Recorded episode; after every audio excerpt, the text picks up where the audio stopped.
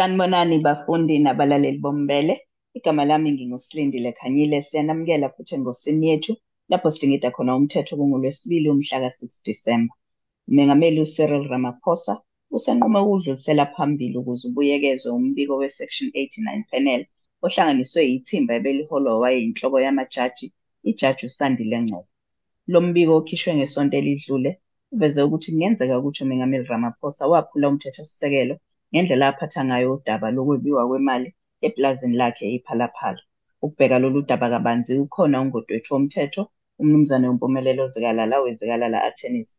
Mnumzane Zikalala siyakubingelela futhi siyakwamukela kumbele. Ngikubingelele kakhulu bese ngibingelela kakhulu futhi ababukeli nabalaleli bombele.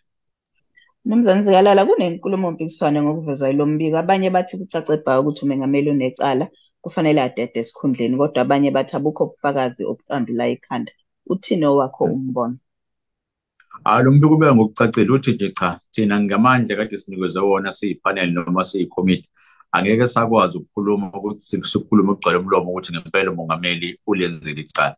Kodwa ngokubona kwethu khona ezinye izinto esibona ukuthi kumele ukuthi akathi ukuyiphendula kancane khona ezokwazi ukuthi asichazele ukuthi zenzeka kanjani. Ngokwey'tatimenti eyesubmithwe umongameli uyavuma ukuthi hhayi ngempela unalo ipulazi yebo ipulazi libhaliswa kuyena as director noma the sole director of those i-close member ye-CC futhi khona imali eyakhokhwa ngesikhathi lesekhulunywa ngaso eyantshontshwa wahamba bese iyorephotha kuyena kumuntu oyigada kuyena noma umgadayo osebenzela amaphoyisa. On that basis besithi kodwa ayi asikwazi ukuthi sikwazi ukuphenya okukhulu ngoba besinganikezwanga amandla ukuthi sikwazi ukubiza amaphoyisa uSARS Reserve Bank nabanye abantu abantu abathintekayo. Ngokubona kwethu asiboni ukuthi kufanele kube khona umongameli ozoba ney'nsolo ey'fana njengalezi.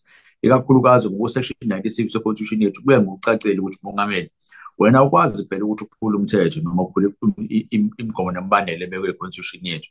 Futhi awukwazi ukuthi uyifake ey'nkingeni noma kuma-situations la khona kuzoba khona ekuthiwa i-conflict of interest kube khona ukushayisana kwey'mfuno zakho ne-interest yakho nalezi zomphakathi. Bese uyifaka endaweni la khona uzosebenzisa khona iy'nsiza zikahulumeni ukuze zinothise noma mhlawumbe zikwazi ukusebenzela wena ngendlela ebekufanele ngabe akusebenzi ngayo.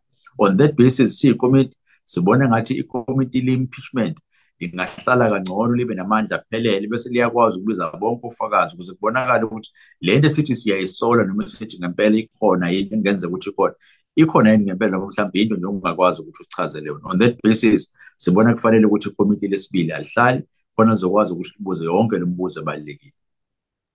Njengoba umengameli ezowudlulisela phambili lo mbiko eh kungabe mhlambe yikuphi esingalindela ukuthi kwenzeke eh kulolo hlelo futhi kuzothatha isikhathi esingakanani?